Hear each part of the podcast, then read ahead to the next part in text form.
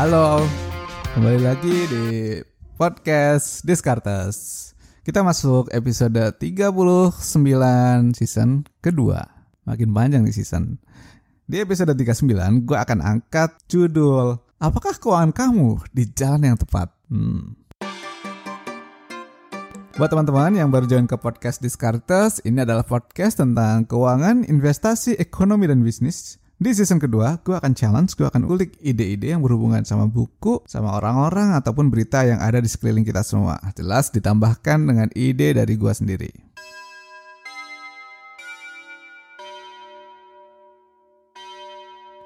Judul ini berangkat dari kegalauan orang-orang kawan-kawan kita yang usianya masih seperempat abad yang mengalami QLC 25 tahunan. Karena mereka sering ngeberondong gue dengan pertanyaan Kakanda, apakah aku sudah berada di jalur keuangan yang tepat dengan kondisi yang gini gini gini dengan income pemasukan yang seperti ini dengan investasi yang kayak gini plus utang model bla bla bla?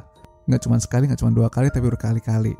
Gue kayak dikira peramal gitu padahal gue nggak bisa ngeramal guys. Kalau gue tahu masa depan gue akan bikin podcast ini. Gue akan bikin kayak bola kristal terus mengambil klien yang membaca masa depan mereka. Kan gue nggak gitu. Misalnya gini deh kita se lihat sejarah ya misalnya ya. Kita nggak bisa lihat masa depan tapi kita bisa membuat proyeksi terus pakai data kita melakukan analisis gitu. Itu masih bisa masih mungkin. Pakai perumpamaan aja ya. Di saham misal. Kalian bisa beli saham ASII misalnya di akhir tahun 2008 terus di tahun 2012 ditahan terus Apakah itu tindakannya tepat? Tepat. Karena pada saat itu sahamnya naik dari 900-an sampai 7 ribuan. Ya itu tepat banget. Tapi ternyata kalau ditahan sampai 2020 ceritanya lain. Ternyata nggak terlalu tepat kalau ngincer gain. Lain kalau kamu pegang saham itu ngincernya dividen. Well, gue sih belum cek yield dividennya ya. Artinya tingkat ketepatan pun bervariasi di masing-masing time frame gitu. Sama aja dengan track keuangan lainnya. Contoh kata, kamu memang ingin nyapin pendidikan anakmu 10 tahun lagi. Terus masuk ini ke RDPU. Ya jangan semuanya. Ntar nggak gerak investasimu ke mana-mana kalau masukin di situ. Kenapa? Karena instrumen yang dipakai beda sama tujuannya, nggak pas, ya nggak tepat jadinya. Jadi kalau bilang track keuangan yang pas, well kita bicara memang masalah depan, kamu harus paham nih beberapa poin yang akan gue bahas di sini. Kebetulan gue pernah baca artikel di Medium yang pas itu mengquote kata-kata Elon Musk. Dia si Elon bilang gini, Inggrisnya, the thing we call money is just an information system for labor allocation. Truly matters is making goods and providing services. We should look at currencies from an information from an information theory standpoint, whichever has less error and latency will win. Dari kalimatnya, gue pikir nih, ada yang divaluasi lebih dari uang. Ayo, menurut lo apa yang divaluasi lebih dari uang? Ada waktu, kemudian ada services yang bikin orang happy, ya gitu juga barang yang ada di dalamnya. Ya ini kayaknya deep sih emang. Tapi dari standpoint si Elon Musk yang jadi orang terkaya tuh ngomong kayak gini ya siapa sih yang mau mendepat? apakah kita semua ada di level itu? Ya belum tentu. Ada di antara kita yang masih harus menentukan apakah dia ada di track yang benar atau enggak. Gimana kalau ternyata di luar track yang benar? Ya harusnya diluruskan biar nggak ngaco ke mana-mana, ya kan? Sekarang kita masuk ke poin utama dari episode kali ini. Apa saja tanda-tanda track keuangan yang udah benar?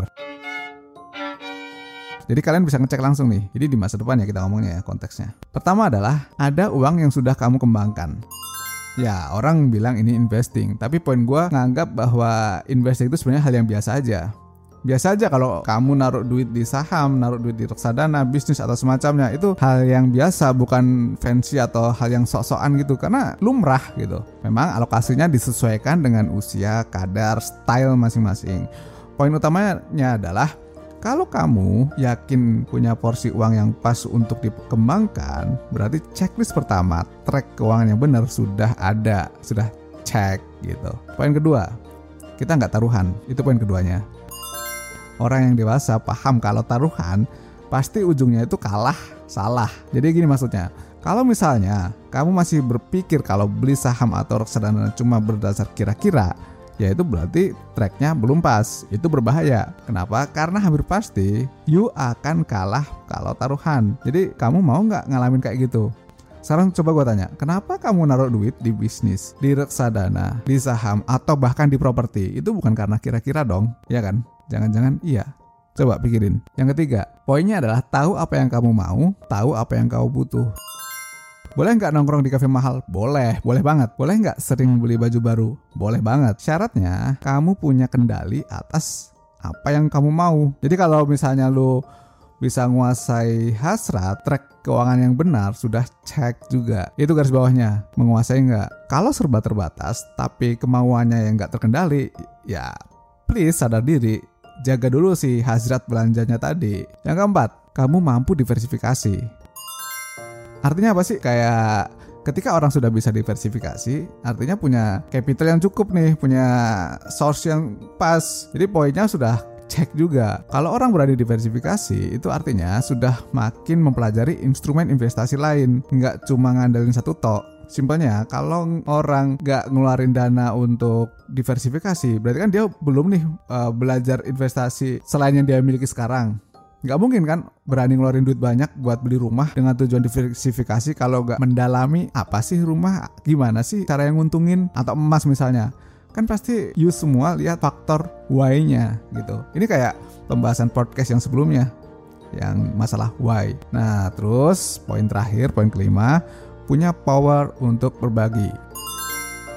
Kalau kita tidak punya dana lebih, jelas nggak punya power untuk berbagi. Kalau lu sudah bisa nyisin dana, terus kemudian gara-gara menyisihkan dana itu juga tidak mencederai circle terdekat, artinya ya memang uangnya udah berlebih. Artinya udah ada alokasi yang disiapin, berarti track keuangannya udah pas nih. Kalau nggak punya cukup dana untuk berbagi, ya berarti kan masih ada yang kurang nih. Simple sebenarnya.